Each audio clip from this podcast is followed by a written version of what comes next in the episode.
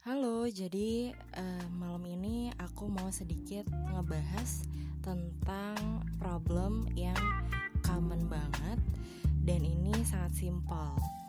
Kalau teman-teman tahu yang namanya otot ketarik, nah itu adalah muscle strain. Muscle strain itu sendiri adalah kondisi yang terjadi akibat aktivitas yang membuat otot tertarik lebih daripada kapasitas yang dimilikinya. Nah, berbeda nih sama yang namanya keseleo atau sprain. Jadi, keseleo itu adalah trauma yang terjadi pada ligamen. Sedangkan kalau strain itu sendiri adalah trauma yang terjadi pada jaringan otot. Oke, kenapa sih uh, strain itu benar-benar mengganggu dan apa aja gejalanya? Di sini aku share sedikit ke teman-teman Gejala dari muscle strain itu sendiri adanya bengkak. Bengkak yang disertai dengan tanda kemerahan atau memar, kebiruan atau braces dan adanya nyeri tekan di lokasi yang ketarik.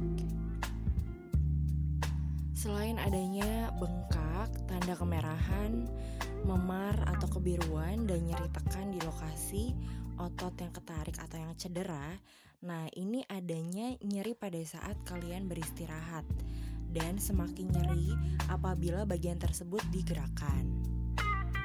Perlu teman-teman ketahui kalau sebenarnya si muscle strain atau otot ketarik ini levelnya itu dari ringan sampai ke berat.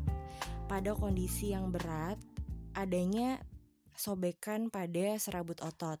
Nah, ini penyembuhannya bisa lebih dari tiga bulan.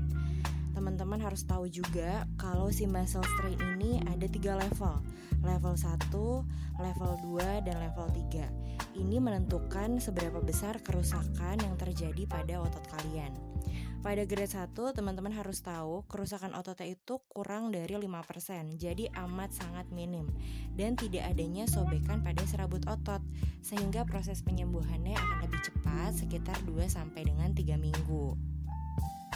Nah, untuk yang grade-nya itu grade 2 atau level 2, itu terjadi kerusakan lebih dari 5% dan adanya sedikit sobekan pada serabut otot atau parsial.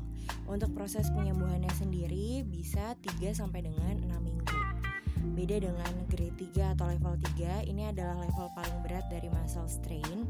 Ini terjadi sobekan pada serabut otot dan membutuhkan waktu yang lama untuk recovery atau pemulihan, sekitar lebih dari 3 bulan. Nah, untuk melihat kira-kira seberapa besar kerusakan uh, pada serabut otot atau lapisan otot kalian, sebenarnya itu ada pemeriksaan penunjang yang bisa dilakukan yaitu MRI. Tapi sebenarnya cukup dilihat dari gejala yang ada atau simptomnya, apakah itu bengkak, bengkaknya parah, tanda kemerahannya cukup besar, kemudian sangat mengganggu aktivitas kalian dan fungsi gerak kalian. Itu bisa sangat menentukan seberapa uh, besar grade yang dialami atau kalian bisa mungkin memprediksi kira-kira ada di grade 1, grade 2 atau grade 3. Tapi sebaiknya ketika kalian mengalami uh, muscle strain atau cedera otot seperti ketarik yang aku bilang, kalian bisa langsung melakukan kompres dingin untuk pertolongan pertama di rumah.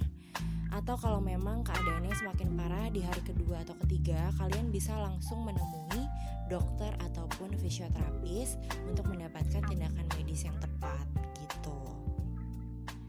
Pada kondisi muscle strain ini, sebenarnya teman-teman cukup mengistirahatkan bagian otot yang terkena cedera dengan cara tidak melakukan olahraga selama beberapa waktu atau beberapa hari.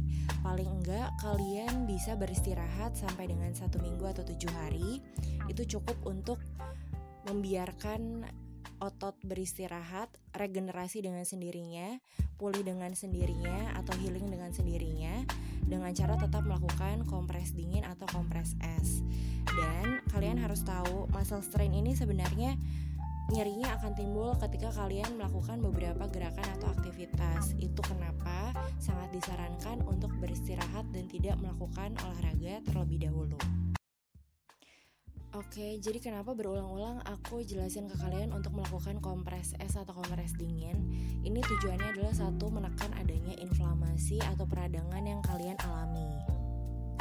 Nah, teman-teman, uh, aku mau kasih tahu ke kalian, muscle strain ini kalau kalian biarkan gitu aja dan kalian tetap membiarkan melakukan olahraga yang berat, itu bisa sangat membahayakan karena takutnya nanti cedera dan kerusakan ototnya akan semakin parah.